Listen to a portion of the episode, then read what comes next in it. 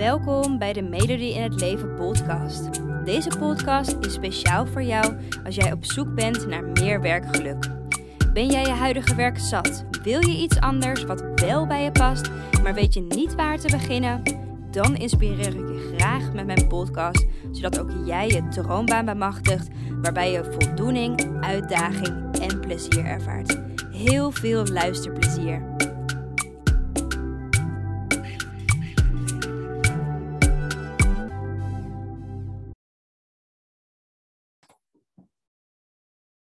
Yes, superleuk dat je weer luistert naar een nieuwe podcast.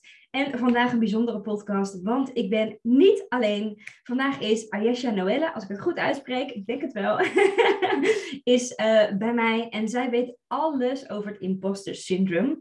Um, wil je nog wat over jezelf vertellen? Jezelf even voorstellen. ja, natuurlijk. Uh, dankjewel dat ik mag komen. Ik ben uh, Ayesha Noelle, ik ben imposter syndrome coach. Um, ik heb zelf toegepast psychologie gestudeerd. En uh, uiteindelijk dit gevonden tijdens mijn scriptie. En uh, nu help ik vrouwen om nou ja, zich los te maken van imposter syndrome. Te laten zien dat ze goed genoeg zijn. En gewoon achter hun uh, bedrijfsdoelen achtergaan. Mooi. Hey, en um, ik kan me voorstellen dat hè, dames die nu luisteren, dat die in eerste instantie zoiets hebben van, wow, imposter syndrome. Wat, wat is dat eigenlijk? Kan je daar wat, in eerste instantie wat meer over vertellen? Ja, nou ja, in het, in het Nederlands is het ook wel het oplichtersyndroom genoemd. Um, nou ja, het gaat er eigenlijk om dat het geen ziekte is. Dat je hoort syndroom, dus dan denk je misschien aan een ziekte. Ja. Um, maar het is dus een psychologisch patroon waarin je continu denkt eigenlijk dat je niet goed genoeg bent of dat je wordt ontdekt als ja, de oplichter, dat je er niet tussen hoort. Ehm, terwijl je wel al het bewijs hebt dat je er wel tussen hoort en dat je wel goed genoeg bent. Dus je hebt bijvoorbeeld een opleiding gedaan, je hebt genoeg ervaring opgedaan. Um, of je krijgt heel veel feedback van, hey, je doet het hartstikke goed. Maar nog steeds kan je dat niet echt internaliseren. Ja, ja, precies. Ja. En ik denk dat voor de dames die nu naar deze podcast luisteren, dat dat heel erg herkenbaar is. Um, als ik je ook zo hoor, denk ik, oh, dat herken ik ook wel uh, van mezelf. Um, hè, heel erg dat gevoel hebben van, oh, ik ga door de mand vallen op een of andere ja, manier. Precies. Dat daar natuurlijk geen aanleiding voor is. Ja. Mooi. Hey, en wat, wat, wat ik me ook meteen afvraag is, hè, hoe ben je daarop gekomen? Want je helpt nu anderen daarbij. Dat, dat is nogal iets.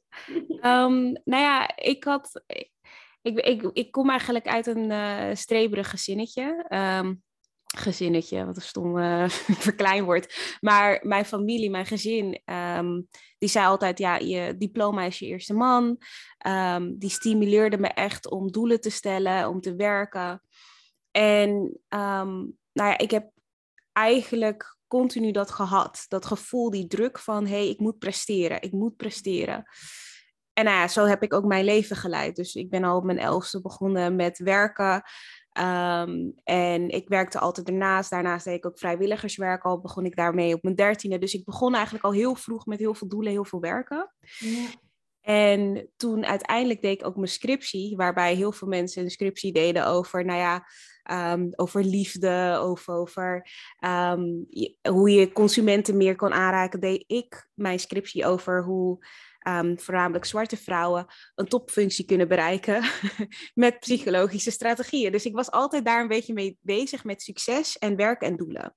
Ja.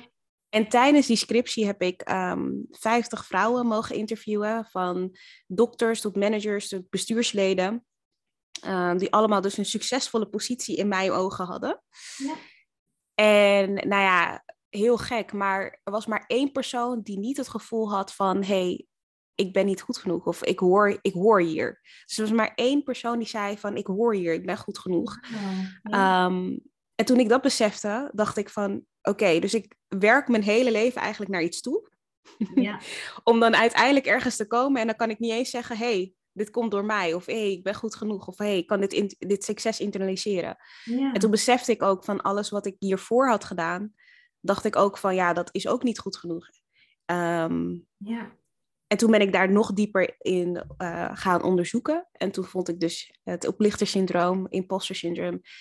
En ja, zodoende ben ik meetups gaan starten. En uiteindelijk hebben de meetup-leden dus, hebben mij gevraagd of ik hun kon coachen. En ja, nu ben ik hier. Ja, wauw. wat een journey. Ja. En, en eigenlijk, als ik het zo hoor aan je verhaal, is dat echt dus gekomen vanuit ja, je eigen ervaring. En vervolgens dat steeds verder uitpluizen, onderzoeken. Hè, en nu, eigenlijk is dat gewoon gemaakt tot je werk. Hè, dit is wat jij doet, dit is jouw werk. ja. Ehm, en ik vraag me af wat je zei van, ik, heb, ik heb dat tijdens mijn scriptie, uh, heb je dat gedaan? Um, ben je toen meteen dit werk gaan doen? Is er nog een tussenperiode geweest? Hoe, hoe heb je dat aangepakt dan? Um, nee, ik ben niet meteen het werk gaan doen. Zeker niet. voor mij ook, het was ook echt dat ik dacht, op een gegeven moment, ik had mijn scriptie afgerond, studie afgerond. En toen wilde ik eigenlijk een bedrijf starten. Maar toen had ik nog al die stemmetjes van nee, ik moet nog meer ervaring opdoen. Nee, ik moet nog, weet je wel, meer kennis opdoen. Um, dus uiteindelijk uh, had mijn oud-docent had mij gevraagd om nou ja, te werken op, uh, op de universiteit. Toen ben ik dat gaan doen. En toen uiteindelijk ben ik ingerold als projectleider. En nou ja, dat heb ik dus gedaan. en tijdens dat ik die rol had, toen ehm, ben ik doorgegaan met die meetups. En toen uiteindelijk heb ik mijn baan opgezegd en ben ik uh, gaan coachen. Dus het ging echt niet geleidelijk. Het heeft echt stapjes bij stapjes uh, voordat ik echt kon starten. Juist, precies. Juist. En hoe vond je dat werk als projectleider? Ja, ik vond het eigenlijk wel heel interessant. Het was uh, wel heel erg uitdagend. Um, vooral ook omdat ik, ik zat in de engineering field. Dus nou ja, ik kom uit de psychologiekant en dan met engineers werken, ja. um, is toch wel echt een hele andere sector. Dus het was heel uitdagend. Ik had elke dag was anders. Um, maar het was niet, het was niet, het paste niet echt bij mij. Ja. En het paste niet echt bij mij omdat ik aan de ene kant heel sociaal was en eigenlijk meer in de connectie, uh, verbindingskant wilde werken. Ja. Um, en niet per se met projecten en vergaderingen. Want ik had eigenlijk, mijn dag zag er eigenlijk uit dat ik heel veel vergaderingen had met heel veel interessante bedrijven en onderzoekers. Maar ja, ja. dat is toch wel anders dan coachen en mensen helpen en inzicht geven in, in, in die zin. Dus uh, ja, het paste niet helemaal bij mij. Nee, precies, nee. En wat ik wel heel erg interessant vind, uh, wat je zegt, is hè, het was heel erg uitdagend en hè, je leerde steeds dingen bij, maar toch heb je die switch gemaakt. En dus Ja. wat was voor jou dan dat moment dat je merkte van, ja maar hè, dit is het echt niet meer. Hè? Je voelde al van, het is het niet helemaal, het past niet echt meer, maar hè, wanneer hak je dan die knoop door? Nou, ik hakte die knoop door toen ik besefte dat ehm, ik eigenlijk was aan het rennen voor een baan. Ehm, dat niet, ten eerste niet dus bij me paste, maar waar, waarbij ik ook nog merkte dat ik niet volledig werd gewaardeerd. Ja. En dus dat ik heel veel werkte. ehm, en uiteindelijk, wat was het resultaat? Ik doe iets wat ik ten eerste, ja, het, het was interessant en uitdagend, ja. uh, maar het past niet bij mij. En aan de andere kant is het ook niet dat ik word gewaardeerd in de zin van, hey, uh, wat fijn dat je al dit werk doet. Want er was ook, ook daarin was er ook gewoon mensentekort. Dus weet je, het was ook een, een stressvolle omgeving. Dus ja, ik neem het toen ook echt niet kwalijk hoor, daar niet van. Maar als je beseft van, hé, hey, het levert me eigenlijk zo weinig op. En het kost me eigenlijk zoveel. Um, hoe comfortabel is dit werk dan echt? Want dat zeggen mensen heel vaak. Dus 9 tot 5 is echt uh, goede structuur, is de comfort. Daar moet je eigenlijk voor gaan. Maar uiteindelijk zaten daar zoveel risico's in.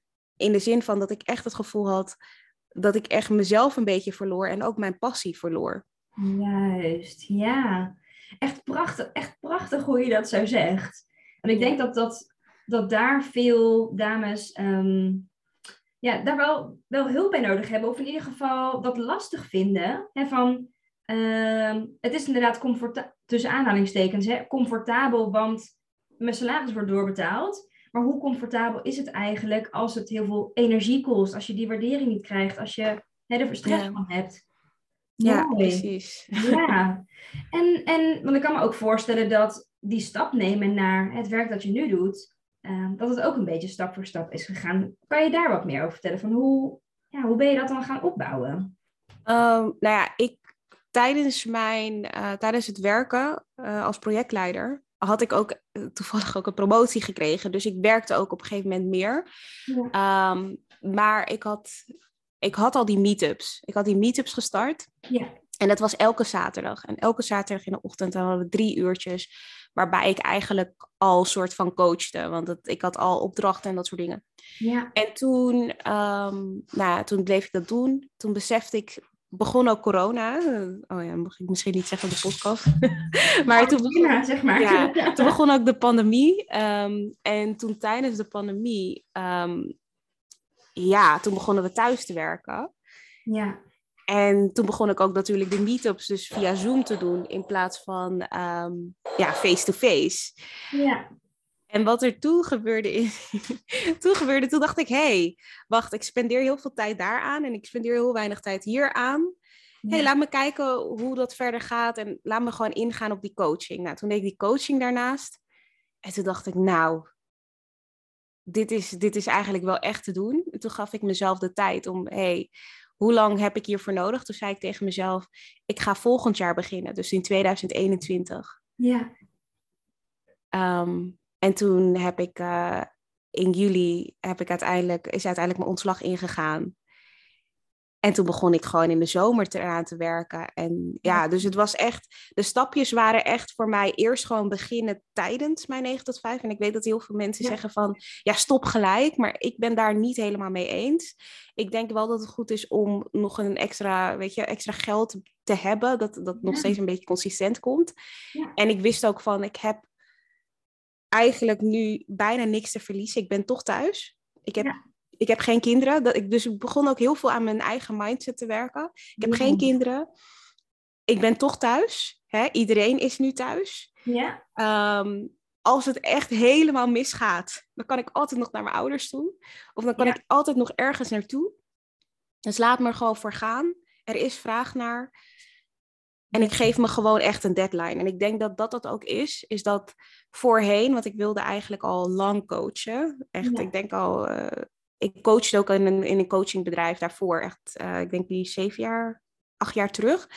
Ehm, maar toen wilde ik nog niet voor mezelf beginnen.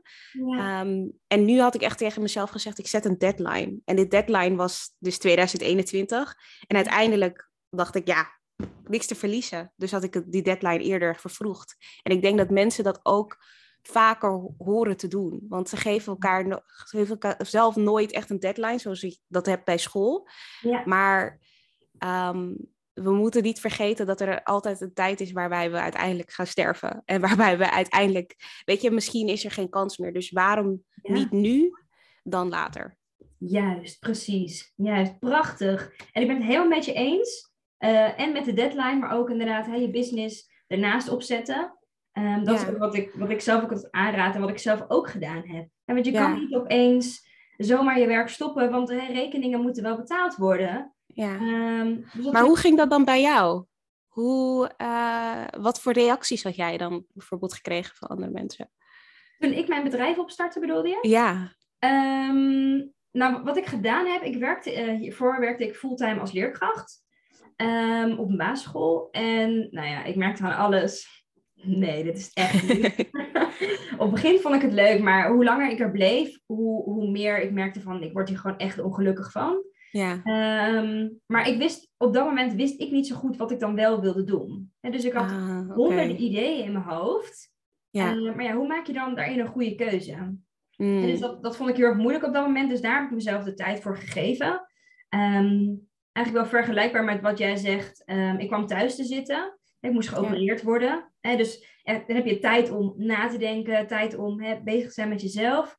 Ehm, en toen kwam ik erachter dat ik een opleiding wilde starten. Die ik heel erg gaaf vond. Wat dus coaching was.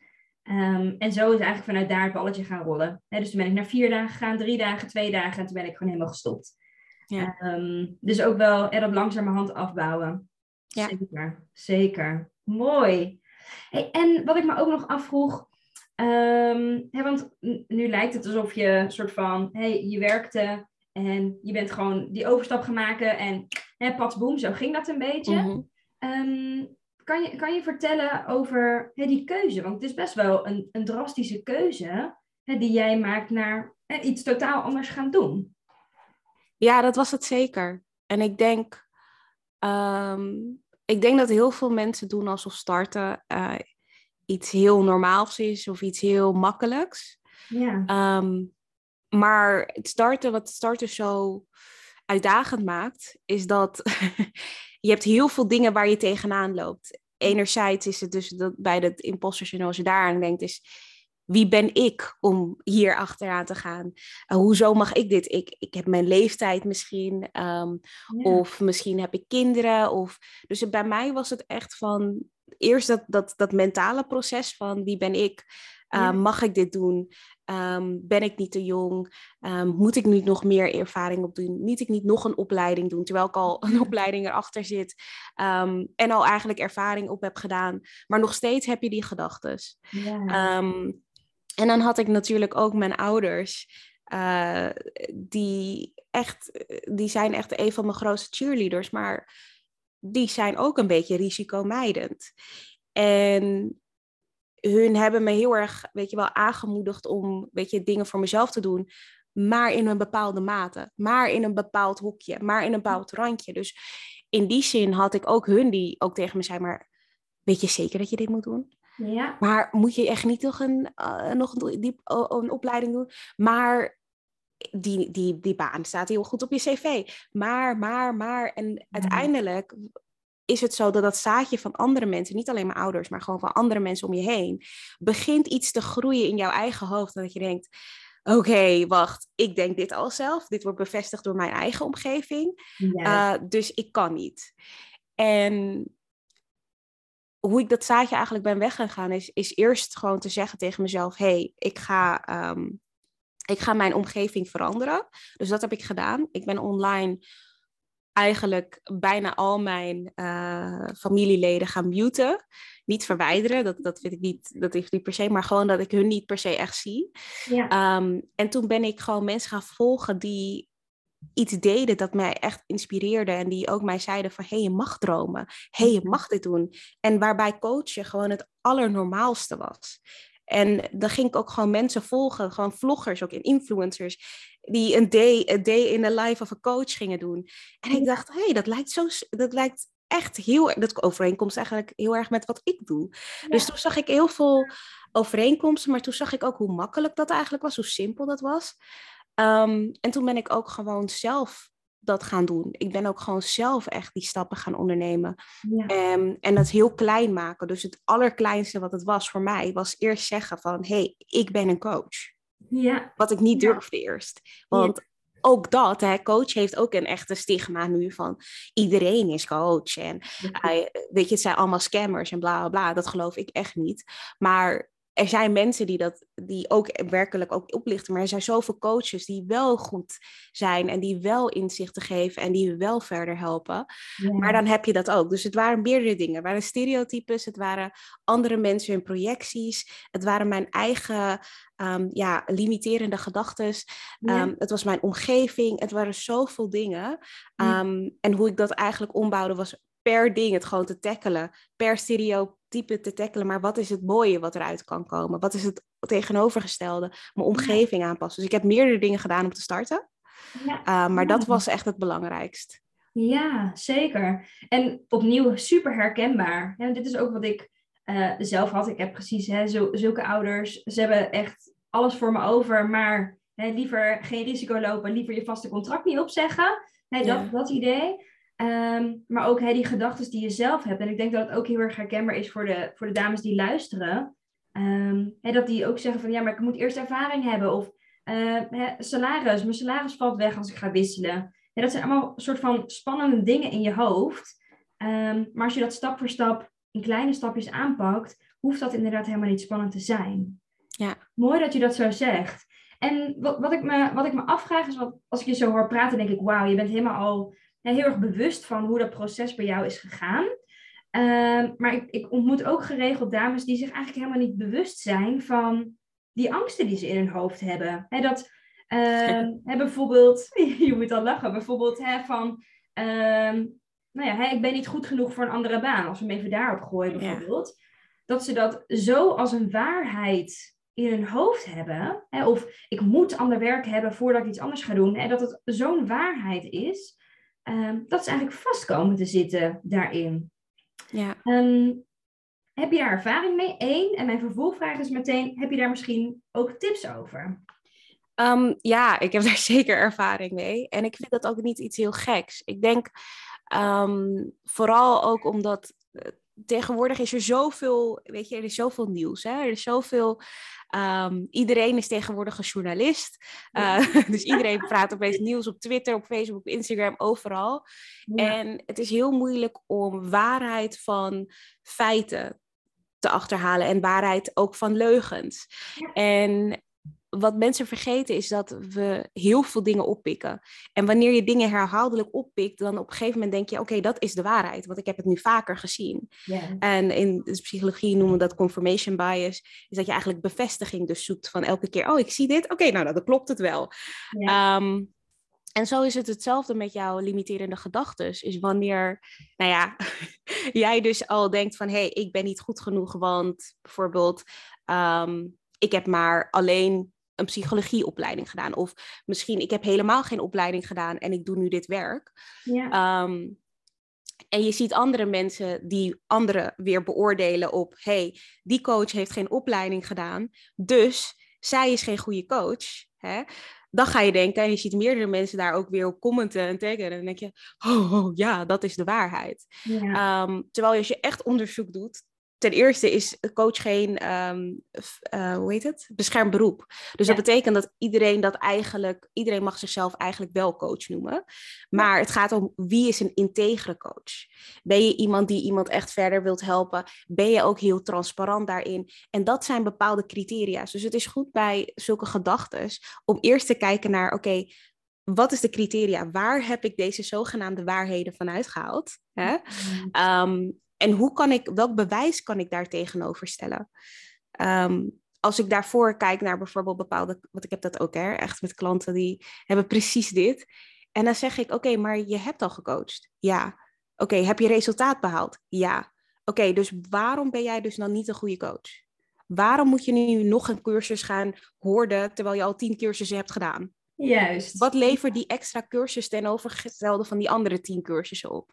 Juist, precies. Dus ik denk dat het vooral heel goed is dat aan de ene kant die waarheden, dat je ook merkt dat eigenlijk die waarheden in jouw hoofd, dat zijn gewoon meningen. Die zijn gewoon subjectief. Dat zijn geen feiten. Dus als we dat eerst samenstellen van, hé, hey, wat ik nu denk, dat is eigenlijk geen feit.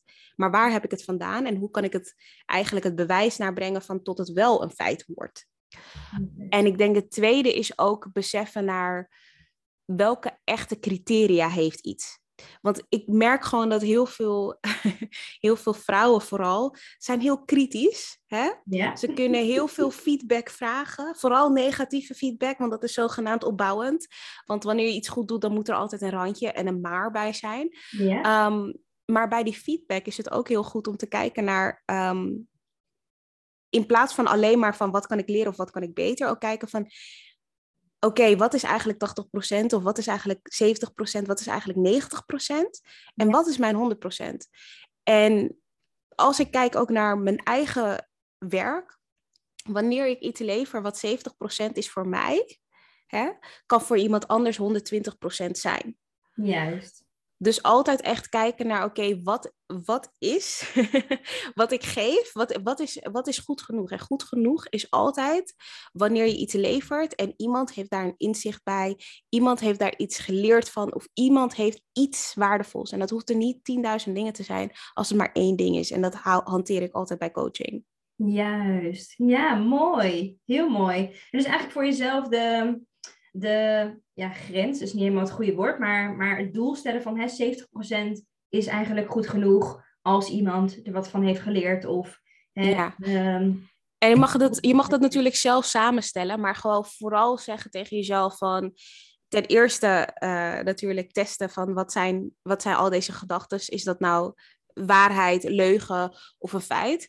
Ehm, en de tweede is ook eigenlijk niet alleen kritisch aan de kant zijn van hey, ik moet beter, maar ook eigenlijk ook met compassie naar jezelf kijken. Van hey, oké, dit doe ik misschien nog niet goed genoeg, maar dat is misschien voor de volgende keer.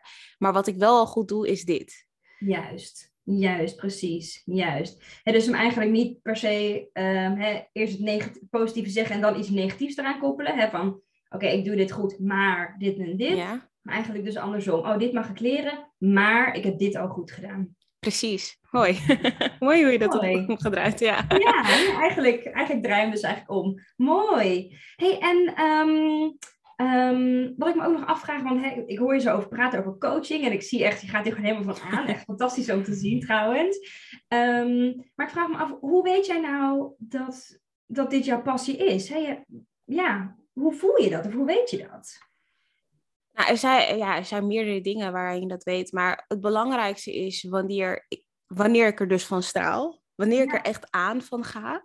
Ehm, wanneer ik merk dat ik er gewoon niet mee kan stoppen om erover na te denken. Dus ook toen ik een 9 tot 5 baan had, dacht ik ook de hele tijd... Oh, het zou zo mooi zijn om coach te zijn. Ja. Oh, het zou zo mooi zijn als ik gewoon... in plaats van elke keer in een vergadering te moeten zitten... dat helemaal niet meer hoef te doen. ja. Oh, het zou zo. En dat ik gewoon dat vaker. Oh, het zou zo mooi zijn. Toen dacht ik uiteindelijk, ja, maar waarom doe ik het niet gewoon?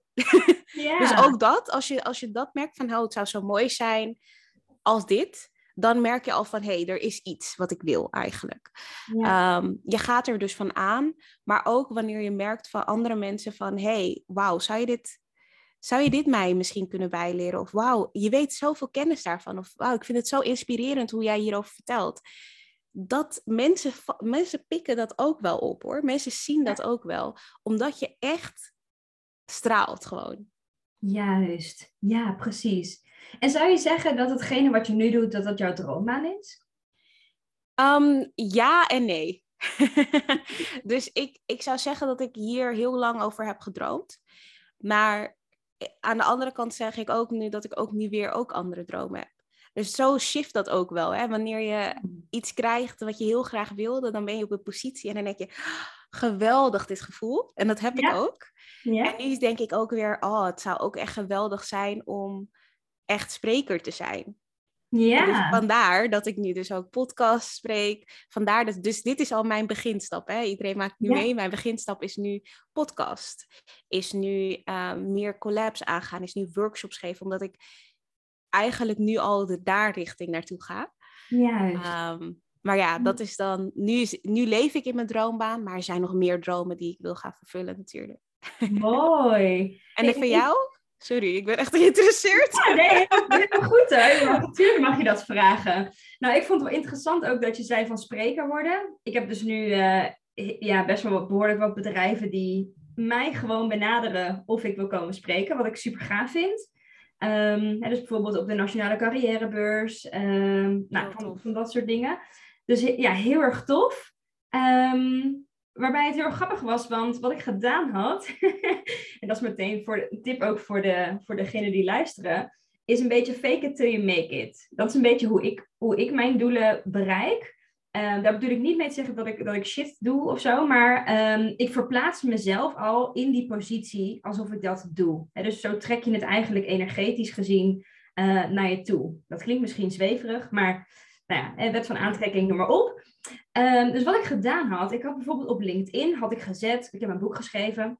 Eh, hè, dus ik had gezet van eh, ik ben auteur en werkgeluk-expert. Hè, dat is waar ik me mee bezig hou. Ehm, en trainer en coach, want dat is ook wat ik doe.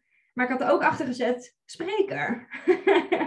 Ehm, terwijl ik eigenlijk, ja, ik had wel eens wat gastlessen gegeven op universiteiten en zo, maar nog niet echt, echt sprekersklussen ja, die ik had of aangenomen had.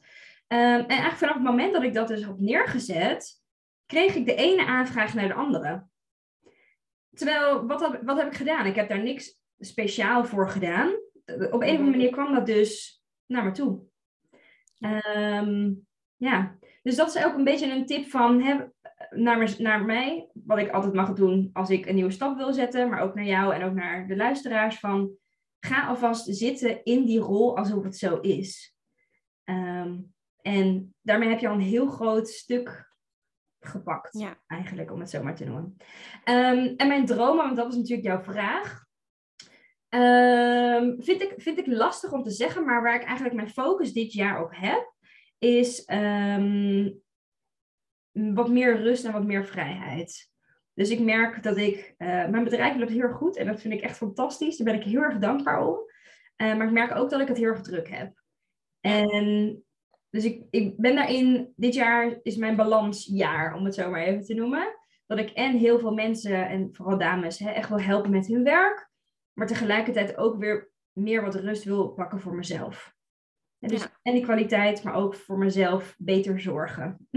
Ja, maar ik vind het wel interessant, want je hebt het over werkgeluk. Maar ik denk, dit laat weer ook zien een beetje die practice what you preach.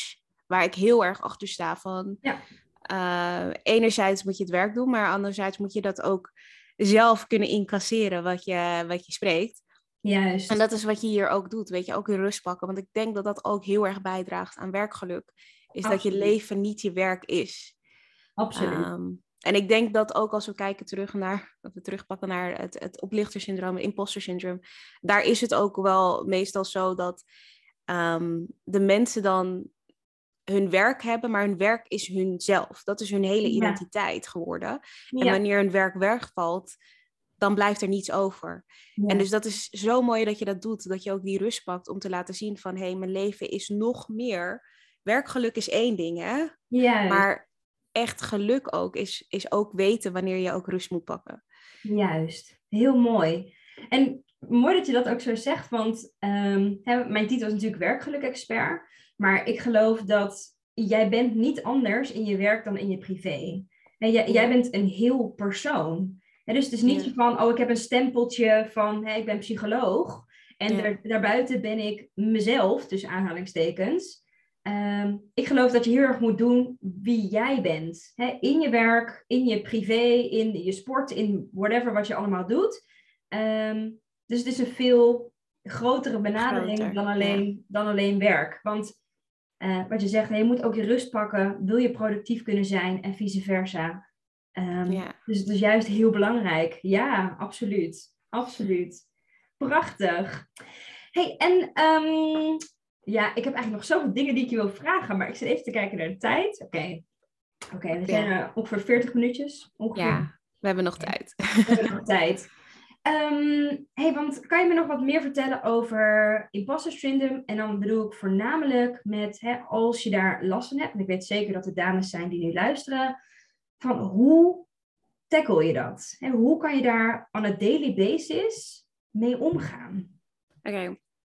Ehm, ik denk dat, ik, dat het voor, vooral heel, heel belangrijk is om te begrijpen dat imposter syndrome is een identiteitsprobleem. Het is niet een, um, ik zeg het in het Engels altijd, capability problem. Het gaat niet om je vaardigheid. Dus het is geen vaardigheidsprobleem. Zelf twijfelen, dus aan jezelf twijfelen, dat is een vaardigheidsprobleem. Dus het verschil daarin is dat um, bij imposter syndrome gaat het dus over wie ben ik om dit te doen.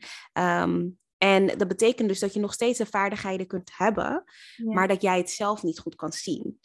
Bij zelftwijfelen is het dat je misschien nog niet de vaardigheden, vaardigheden hebt en daar dus aan jezelf gaat twijfelen of je dat kan doen pas wanneer je het bewijs krijgt. Dus dat heeft even dat verschil. Um, dus omdat het dus een identiteitsprobleem is, kan je niet van jezelf verwachten dat dat binnen een dag weg is. Ehm, dus als je dat echt ervaart, en dat heb je natuurlijk in relaties, is het eerst heel belangrijk om te ondervinden wat we eerst ook hadden. Wat zijn die verschillende identiteiten van jou? Ehm, wie ben jij echt in de core? En niet per se wat mensen alleen maar over jou hebben verteld. Hè? Want heel vaak is het ook zo, hè, je ouders vertellen je bent dit. En het begint al vanaf je jeugd. Hè? Het begint al vanaf je een klein kind bent, beginnen mensen jou al te vormen. Ja. En dan uiteindelijk, hoe ouder je wordt, vooral in de puberteit, hè, begin je het zelf te vormen, zelf vorm te geven. Um, maar voor sommige mensen is daar een disconnect en vinden ze dat heel moeilijk om te zien van oké, wie ben ik, maar of wie zeggen mensen dat ik hoor te zijn. Juist. Ja. Dus het is heel belangrijk om al die stemmen te vinden. Dus wat ben ik wie ik nu, wie ik me nu voordoe? Hè? Ben ik ook heel enthousiast? Ben ik ook een energiek persoon? Ben ik ook die extravert? Ben ik ook dit? Ben ik ook dat? Eerst dat helemaal eigenlijk naar achter pluizen. En dan door te gaan van oké, okay, wie zou ik willen zijn? En wat vind ik eigenlijk allemaal mooi aan mezelf? Wat, is, wat, is, wat is zo leuk wat ik doe? Wat is zo leuk aan mij? Um, Dus eerst dat eigenlijk een beetje ondervinden van hé, hey, wie ben ik? Dat hele die hele grote vraag, die voor heel veel mensen oncomfortabel en irritant is, ook voor mij. Um, Mag je daar meteen wat over vragen? Ja hoor. Um, want ik voel dat je onderbreekt, maar eh, dit is precies een punt wat ik heel erg vaak terughoor. Hè? Dus, dus de vraag van, wat wil ik eigenlijk? Ehm, en, en, en wie ben ik eigenlijk? En ik merk dat, dat veel meiden, die ik in ieder geval spreek, die vinden het heel erg lastig om te bepalen van hè, wie ze eigenlijk zijn, wat ze willen, maar ook wat hen bijvoorbeeld uniek maakt. Ehm, hoe, hoe zou jij daarmee omgaan, hè? als je het gewoon even niet weet?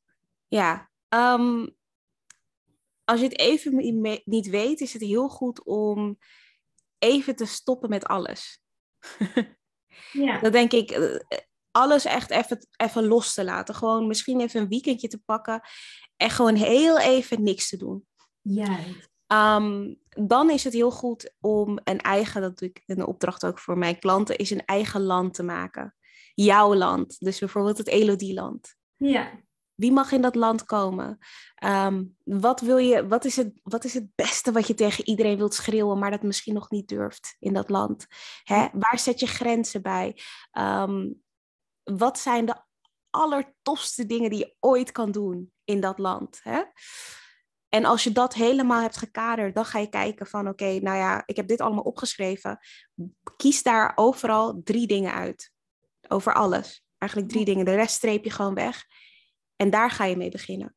En ik denk dat eh, wat er gebeurt, en het, volgens mij heeft Tony Robbins ook zoiets gezegd, dat mensen in een, weet je, een beetje um, hoge verwachtingen hebben voor wat ze hebben in een maand, maar hele lage verwachtingen hebben voor wat ze willen in een jaar. Juist. En dus het is heel goed om te kijken naar, oké, wat zou je inderdaad, als je, als je als alles zou kunnen, wat zou je daaruit kiezen?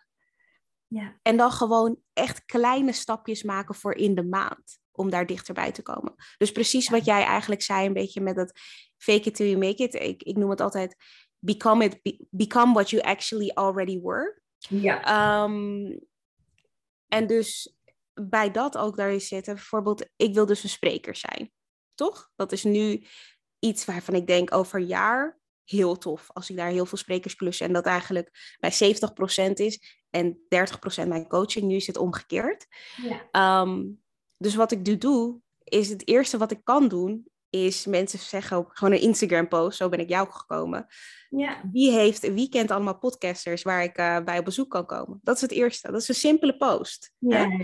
Ja. Dan het volgende is, is dat ik um, elke dag 15 minuten, maar 15 minuten, dat is echt niet heel lang, een YouTube-video ga kijken over sprekers. Sprekers, gewoon ook sprekersfilmpjes, TED Talks, kijk ik, maak ik altijd tijd voor vrij. Ja. En dan gewoon daarna ga kijken. Ik hoef niks te schrijven, maar gewoon kijken. Um, dus dat zijn allemaal kleine dingen die ik doe. Juist, ja. En ik denk dat voor het belangrijkste is, is dat je altijd jezelf daarbij dus een, again, een deadline geeft, maar ook echt gewoon een soort trial period, dus een proefperiode. Dus je gaat 30 dagen, ga je gewoon dit proberen. Is Ja. het niks? Ja, Dan is het niks, dan laat je het gewoon los. En dan, wat heb je verloren? Een maand iets interessants uitgeprobeerd. Weet je?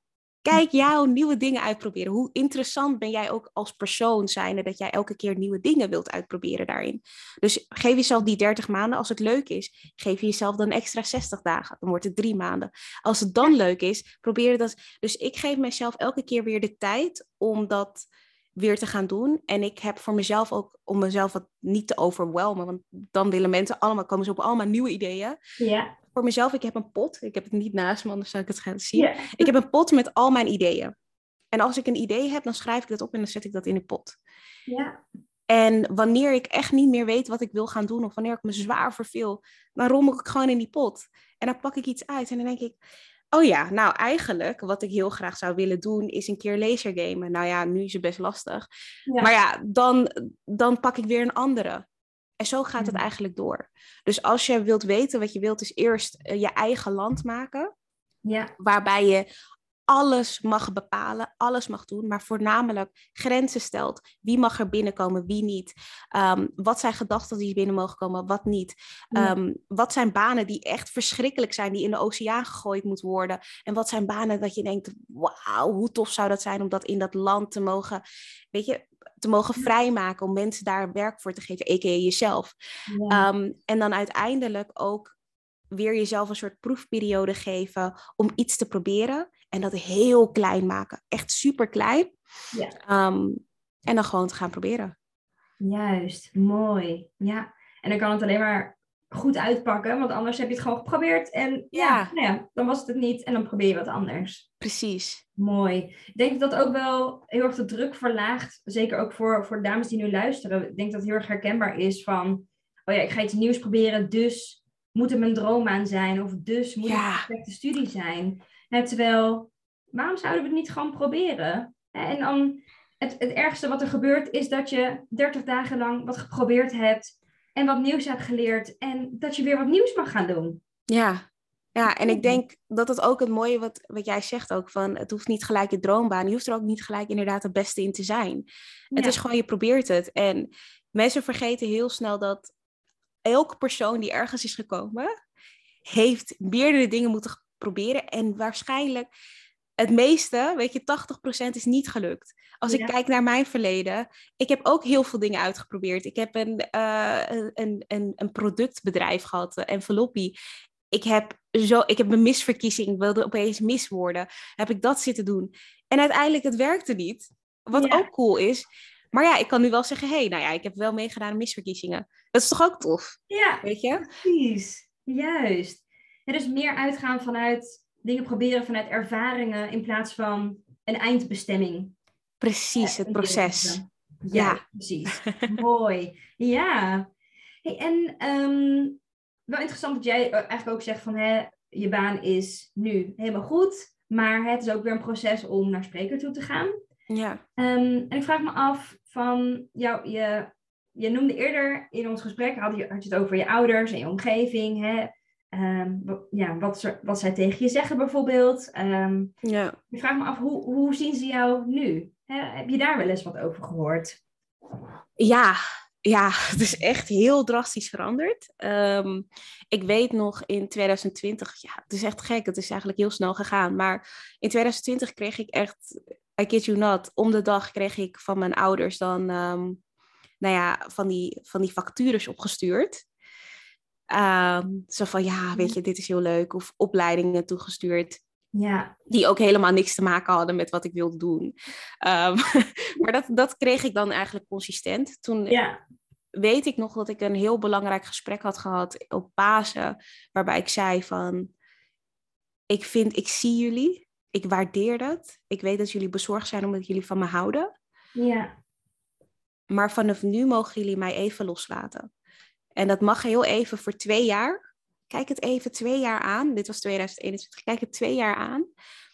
En laten we, laten we na die twee jaar even praten. Voor de rest, laten we het niet meer over werk hebben. Ja. Laten we het gewoon hebben over ons. Like ons als Ja. relatie. En ik denk dat dat ook de fout is met heel veel mensen. Is dat zij advies gaan vragen bij mensen die niet hebben wat jij wilt. ja, En verwachten dat familie en ouders en vrienden jou super erg gaan supporten. Terwijl, ik bedoel, als jij, als jij niks hebt met kaas, waarom zou je kaas gaan, iets met kaas gaan promoten? Weet je, waarom zou je, weet je, dat advies willen? Of waarom zou je die, die toestemming daarvoor willen?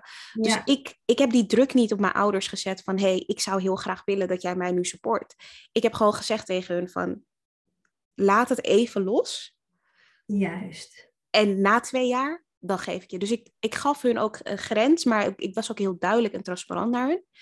En nu, nou, echt, nu elke keer als ik dus iets heb, ik heb laatst dus een sprekersklus ook gehad, het echt een hele grote klus was voor mij. Ehm, en mijn ouders die echt super cute me opbellen en zeggen, oh, veel succes, ik ben zo trots op je. Wauw, echt, eh, echt tof wat je allemaal doet. En nu ook dat zij ook heel erg zitten met, oh ja, coaching, dat is echt geweldig. En dat zij dat ook echt supporten, terwijl ze er eerst niet echt in geloofden. Maar dat ze nu ook echt inzien van, wauw, wat interessant. En ik denk dat dat ook het belangrijkste was, is dat ik hun ook de tijd heb gegeven. Ik heb hun de tijd gegeven om hierin aan te passen. En ik snap dat ook. Ik moet ook heel veel dingen wennen bij mij als iets nieuw is. En Ja. voor hun was het ook een wenningsding. En het duurde misschien, eh, oké, iets van een jaar. Maar daar zijn we ook ergens. Precies, ja. Mooi. En dit is, dit is ook wel precies wat ik zelf ervaar hoor. Bijvoorbeeld mijn ouders die vonden het ook allemaal heel erg spannend. Ja. Ehm, en nou ja, ik had eh, dus mijn boek geschreven en mijn vader was echt mijn number one fan. En die heeft zelfs een traantje gelaten. Oh, zo lief. Ja, dus, dus heel erg herkenbaar dat eigenlijk hè, ze bedoelen het allemaal heel erg goed, maar het is beter om het zelf aan te pakken en ze eventjes zeggen van laat me gewoon lekker mijn ding doen. Ja. Hè, dat je dat vertrouwen uit jezelf kan putten. Ja. Ja, mooi. Mooi. prachtig. Prachtig. Hey, en um, waaraan kan jouw omgeving merken dat jij dan op dit moment echt op je plek zit? En met wat je doet? Ik denk dat dat meer iets energetisch ook is. Uh, ik denk dat, dat zij ook nu merken van ik ben zo consistent. Ja. Um, het is niet meer, het is echt niet meer dat ik heel veel ideeën heb of zo. Het is echt gewoon, als ik over mijn werk praat, is het altijd imposter syndrome coaching. Of dus imposter syndrome speaking. Ja. dus het is altijd een van de twee. Ja. Um, ik, ik, er is een bepaalde, ik heb het gevoel dat er een bepaalde kalmte over mij heen is. En ik denk dat mensen dat voornamelijk hebben wanneer ze zelfverzekerd zijn op hun werk. Ja. En zelfverzekerd zijn en gegrond zijn in wat ze doen. Dan is het niet per se iets wat je zegt, maar het is iets wat je ziet. Juist. Um, en ik denk dat het allerbelangrijkste is, is dat ik ben gestopt met mezelf te verdedigen. Ik doe niet meer, ik ga niet meer tegen mijn ouders zeggen of tegen andere mensen zeggen van kijk mij en nee, maar je weet niet over coaching en het is wel echt heel geweldig en je kan dit verdienen en je kan dit doen. Ja. Ik zeg nu gewoon als iemand iets zegt van ja, coaching is bullshit, dan zeg ik oké. Oké, okay. ja, precies, ja. Ja, ja, ja ik, ik hoef, kijk, je hoeft, niet, je hoeft gewoon niet in discussie te gaan met mensen die iets zwaar over iets geloven, want Ja. jij, gaat, jij gaat ze niet overtuigen en je hoeft ze ook niet overtuigen. Juist. Ach, Ja. zo een, echt zo'n rust en opluchting komt daar vanaf. Echt waar. Ja, juist, ja. Hey, you mind your own business. Ja, precies. Juist. Hey, en en ehm, ik vroeg me ook nog af, want we hadden het natuurlijk echt over, over werkgeluk en jouw werk. Hoe, hoe zou je ehm, werkgeluk voor jou omschrijven? Hè? Dus wat is werkgeluk, werkgeluk voor jou, bij jou? Hoe ziet dat eruit? Ehm, nou, werkgeluk voor mij, dat is echt, dat is echt kiezen wat je wilt gaan doen. En outsourcen wat je echt verschrikkelijk vindt, wat alle energie uit je zuigt. Ja. Ehm, dus daarbij die vrijheid in keuzes hebben. Dat is echt werkgeluk voor mij. Ja. Ehm, dat het me energie geeft in plaats van dat het energie van mij neemt. ja. Ehm, en dat ik ook besef van, ik kan overal echt werken. Dat, dat besef dat ik gewoon. Tuurlijk, ik ben, ben gedeeltelijk nog afhankelijk van mijn laptop of van internet en dat soort dingen. Maar dat zijn zulke kleine dingen waar ik afhankelijk van ben. Terwijl als ik kijk naar alle onafhankelijkheden ik heb, eh, ik kan zelf mijn tijd indelen, ik kan zelf kiezen met wie ik werk, ik kan zelf kiezen wanneer ik werk. Ehm, Ja. dat, dat is zoveel vrijheid en dat voornamelijk die mentale vrijheid. Hè? Want ik heb, voorheen had ik eigenlijk zat ik zo erg vast en voelde ik me ook vast. Ik voelde me heel erg een slachtoffer. Eh, van ja, weet je, dan deed mijn, een van mijn collega's deed dan weer iets, ja, iets achterlijks. En dan dacht ik, jezus, en moet ik dit nu allemaal gaan oplossen? En Ja. Oh, en, oh, en, oh. En nu denk ik gewoon van, oh, ik mag dit oplossen. Oh, ik mag dit doen. Oh, wat Ja. Weet je, dat is al zo'n erge switch. En dat noem ik echt werkgeluk. Ja. Dat je mentaal fysiek en fysiek vrij bent daarin. Juist. Juist. Mooi. En wat, wat voor advies of wat voor tips zou je dames geven die op dit moment, hè, wat je zegt, dat zo nog vastzitten? Ja, ik, ik denk dat het eerst ook heel goed is om te beseffen, als je dan vastzit, om daarbij die dankbaarheid te trekken. Want ik denk dat voornamelijk vastzitten komt van het feit dat je al de touwtjes uit handen hebt gelaten. Dus je hebt andere mensen laten bepalen van al jouw keuzes en daardoor voel je je vast. Je kan geen kant meer op, want iemand is een touwtjesmeester, die, een poppenmeester die jou vasthoudt. Ja. Dus het is heel goed om te kijken naar, oké, wat kan ik wel doen? In plaats van wat kan ik niet doen, wat kan ik wel doen? Ehm, wat zijn de privileges die ik heb door dit werk? Dus als je daarin kijkt, denk je van, oh, nou eigenlijk mag ik dit allemaal doen. Eigenlijk heb ik hier eigenlijk een, een extra eh, voordeel aan doordat ik dit werk kan doen. Ja. En ik denk het laatste is ook te gaan kijken naar, oké, hoe als dit echt, als je hierdoor echt vastzit, hoe, wat, zou, wat zijn dus, again, banen die jou wel meer in jouw element laten zitten. Ja. En ik denk, als je dat al, soms, sommige mensen hebben dat, en ik had dat ook. Ik had in mijn, toen als projectleider, had ik ook een keuze om een eigen projectje op te starten. En dat ziet misschien als, zie je misschien als extra werk, maar je kan dat soms gewoon doen. Je kan soms bespreken met je werkgever van, hé, hey, wat zijn de extra projectjes wat ik tijdens mijn werk kan doen? Ja. Ja. Dus misschien is dat in plaats van dat jij administratief uh, heel veel doet of notuleert, misschien kan je in plaats van dat zeggen, hé, hey, maar misschien, ik vind presenteren geeft mij meer energie. Kan ik eigenlijk liever presenteren in plaats van dat ik notuleer, want ik merk dit en dit. En heel vaak merk je dat daar echt wel ruimte in zit. Ja, precies. Ja, precies. En dus je zegt in eerste instantie, fix het hè, binnen je werk. Focus op die dankbaarheid. Focus op hè, welke dingen mag ik misschien ook doen. Hè? Ga ja. aan. En uh, is het niks, dan kan je altijd nog wisselen, maar probeer het eerst daarbinnen of er mogelijkheden zijn. Ja. ja. Mooi. Mooi. En stel nou, eh, um, ja, je weet gewoon, nee, dit werk, het zuigt mijn energie. Het is gewoon Heerlijk. um, ja, wat, wat zijn dan je tips? Ja, dan is het eerste, het allereerste, en again, ik, ik ben heel erg over het mentale, want dat vind ik dat heel belangrijk. Je kan, je kan van je werk wegvluchten, maar je kan nog steeds in een mentale situatie zitten en dat werk lost er dan echt niet op hoor. Um, dus eerst kijken naar wat zuigt zoveel energie uit je van dat werk. Oké, dit is echt een no-go. Oké, dan kan je zeggen, oké, wat zijn eigenlijk de opposite dingen die je wel kan doen? En die ook uh, we moeten niet vergeten dat we ook van de basis moeten leven. Dus je moet wel ook kijken naar, oké, wat zijn de minimale kosten? Minimale kosten die je, die je moet eigenlijk um, ik zit de hele tijd in mijn hoofd met Engels soms. Ja, zeg um, Engels hoor. ja, zo, uh, ja, dus de kosten die je eigenlijk moet betalen. Dat is het aller. Wat is het mini, mini, minimale wat je moet verdienen? Ja. En voor mij, voor heel veel mensen denken ze dan, ja, als ik een bedrijf start, dan moet ik gelijk 10k maanden maken, 5k maanden. Maar eigenlijk als jouw kosten maar, wat, uh, wat zeg ik, 500 euro of 1000 euro is, is het minimale wat je moet verdienen iets van 1500 euro. Want je moet natuurlijk ook iets opzij kunnen zetten. Ja. Dus dat is het minimale wat je moet verdienen. Dus dan moet je ook kijken naar, oké, wat zijn de bedrijven of, wer- of banen die kan vervullen, die dat minimale op zijn minst kunnen vervullen. Ja, precies. Ja. En waar, wat, zijn, waar, wat geeft mij energie? Dus dat zijn de startersbaantjes die je dan eerst, de inloopbaantjes. Ja. Of misschien zijn dat de baantjes die, misschien is het zelfs eventjes bij, uh, weet ik veel, PostNL werken. En daarnaast je side hustle hebben. Maar dat je dat wel hebt. En dat PostNL, dat neemt helemaal geen ruimte misschien. Hè? Misschien is dat helemaal niks. En dat kan ook soms goed zijn. Dat je ergens gewoon helemaal geen gedachten hebt. En dat je dan bij je werk, je side hustle, waar je misschien nog nu nog niks verdient, maar dat je heel veel energie geeft, dat kan ook je eerste instap, instap eh, stap zijn. Jeetje, wat eh, Ja. ben ik lekker Nederlands aan het Ja. praten.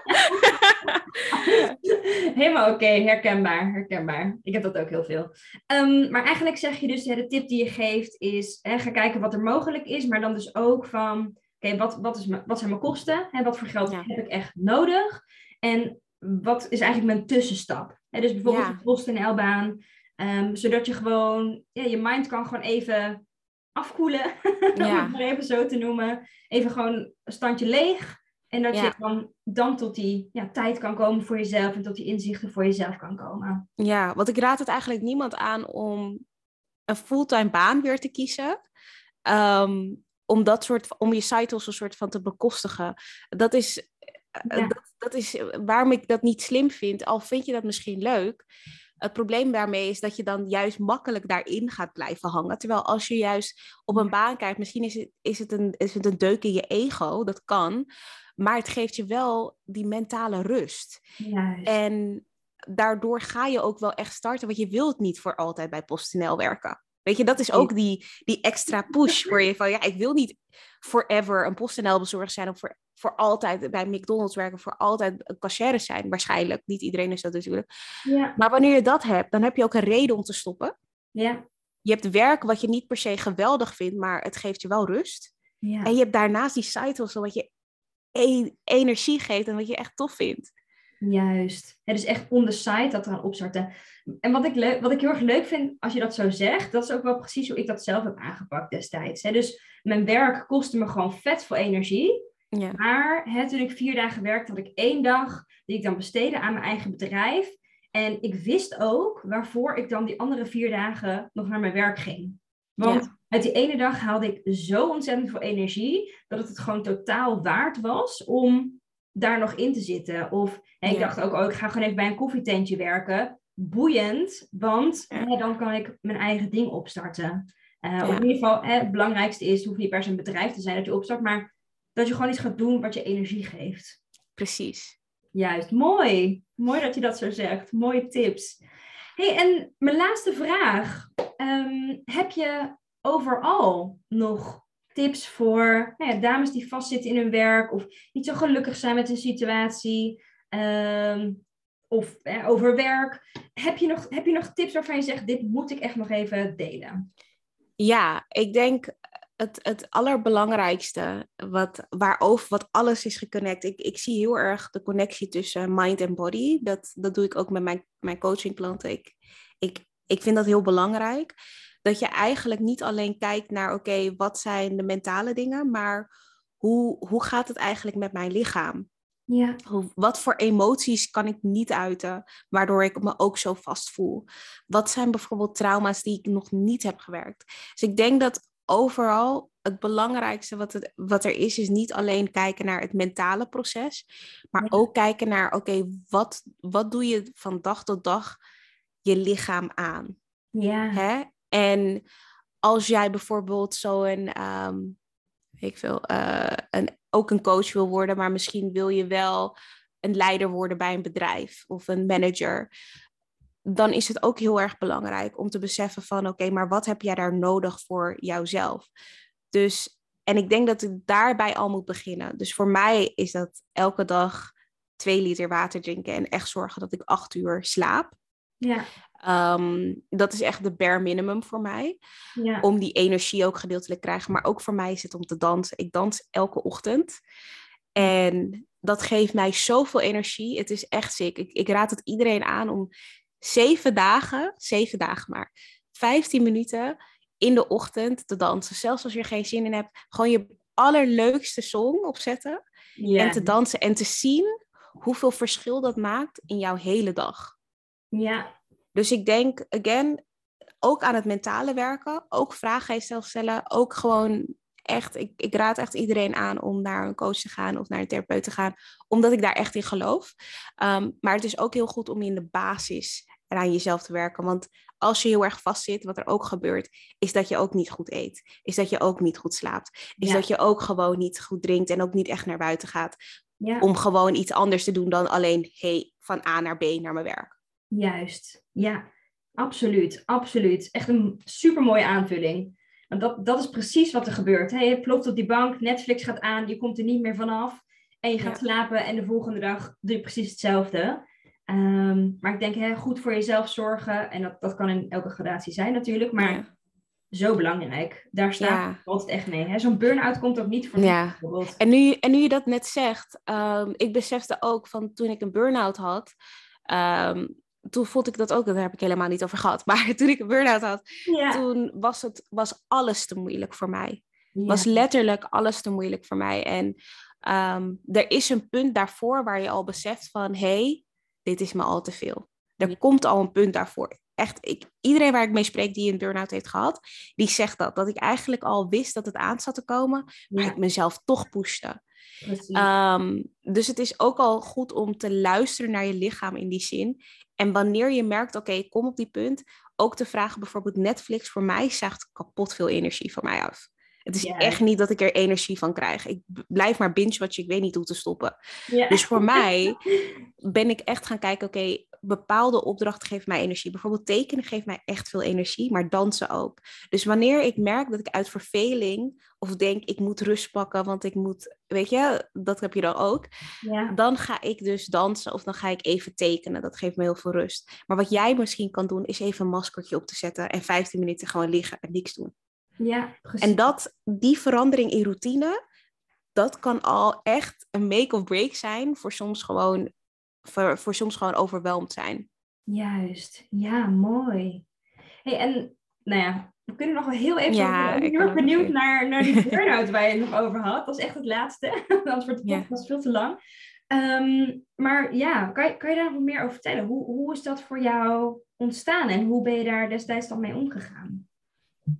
Nou ja, voor mij, die burn-out was ontstaan omdat ik werkte met, eh, nou ja, zoals ik al eerder zei, mijn, mijn sector was heel, ehm, was, was heel, het was heel stress, er was heel veel stress, Ja. maar eigenlijk iedereen viel soort van al af. Dus er begon echt, mensen, mensen vielen eraf als vliegen. Het was echt bizar, gewoon. ehm, en op een gegeven moment ben je met zo'n klein team. En jouw wer- eigen werkgever, die eh, zit al op de randje aan. En, en, en die belt je elke nacht. En eh, ja, het werd helemaal gek. ja. En toen ben ik al eigenlijk gaan beseffen, oké, weet je, ik heb hulp nodig, want het gaat de verkeerde kant op. Dus ik ben eigenlijk al best wel snel een psycholoog, psycholoog gaan inschakelen, Ja. om gewoon een tijd te hebben waarbij ik gewoon mag praten. Het ging mij niet eens over dat, dat daarvoor zijn psychologen ook, hè? die zijn gewoon spiegels. Ja. Niet, vooral, niet denken dat zij met een magische oplossing komen, want dat doen ze niet. Ze zijn gewoon spiegels en ze stellen gewoon vragen om jou jezelf beter te laten kennen Ja. en eh, begrijpen. Dus oké, daar begon ik mee. En toen ik er uiteindelijk, toen zat ik er helemaal doorheen. En wat er gebeurde was, ja, ik at gewoon niet meer. Ik at niet meer, ik kon niet meer slapen.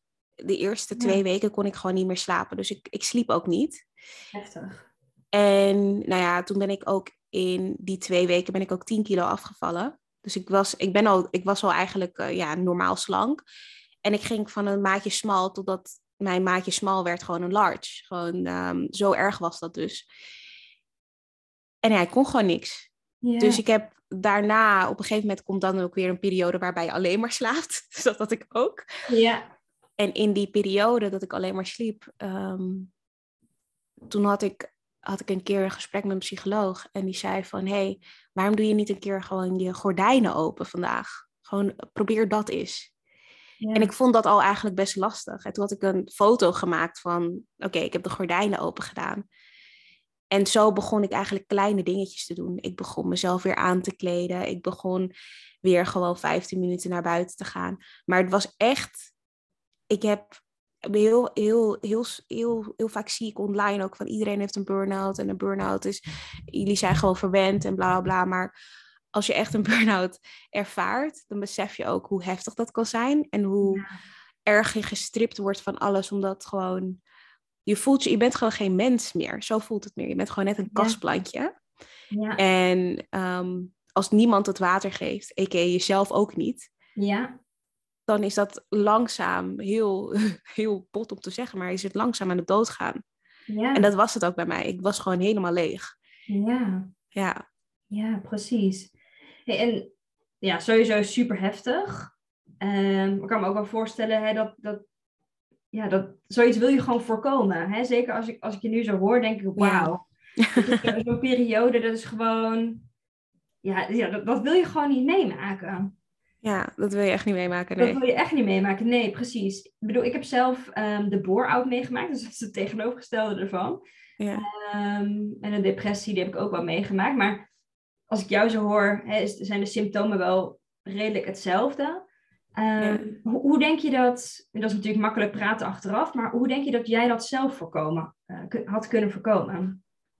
Ehm, ik denk het allerbelangrijkste voor mij was dat ik eerlijk tegen mezelf was. Ik was mezelf continu aan het voorliegen. Ja, Ehm, ik was continu aan het zeggen van, hey, het gaat wel oké met me. hey, er is niks aan de hand. hey, kinderen in Afrika hebben het erger. Ehm, ja. Weet je, Mhm. en gewoon nog even doorbijten. Gewoon nog even doorbijten. Dus ik denk, ik was mezelf aan het aanmoedigen. Ehm, ja, wat eigenlijk, wat eigenlijk waar, waarbij ik eigenlijk moest ontmoedigen.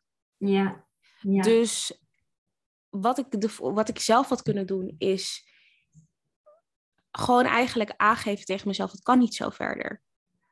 Je hoeft niet altijd vast te houden. En opgeven is niet een zwakte. ja, Ik denk, en, en ik denk dat, dat het belangrijkste was, was dat ik eigenlijk gewoon dat moest tegen mezelf moest zeggen. En het kon loslaten. ja. En, en gewoon al van tevoren zei van hé, hey, ik ga hiermee stoppen. Ehm, ik ga doen wat me energie geeft. Ja. Maar aan de andere kant, ik zeg dit wel ook te voorkomen, maar aan de andere kant, en ik merk dat ook bij andere mensen, niet dat ik het aanraad, hey, neem een burn-out.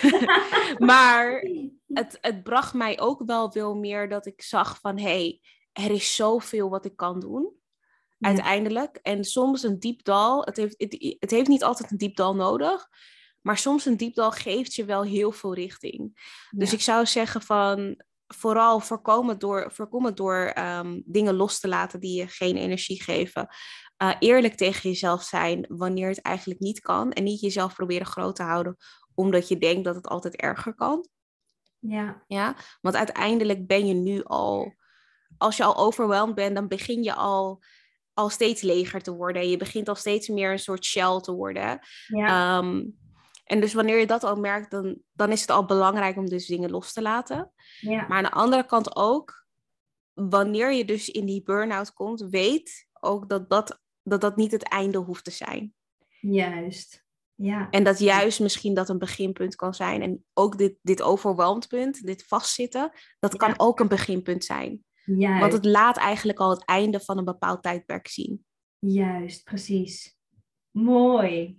Mooi. Ik denk dat we hem daar moeten afsluiten. Prachtig. Prachtig.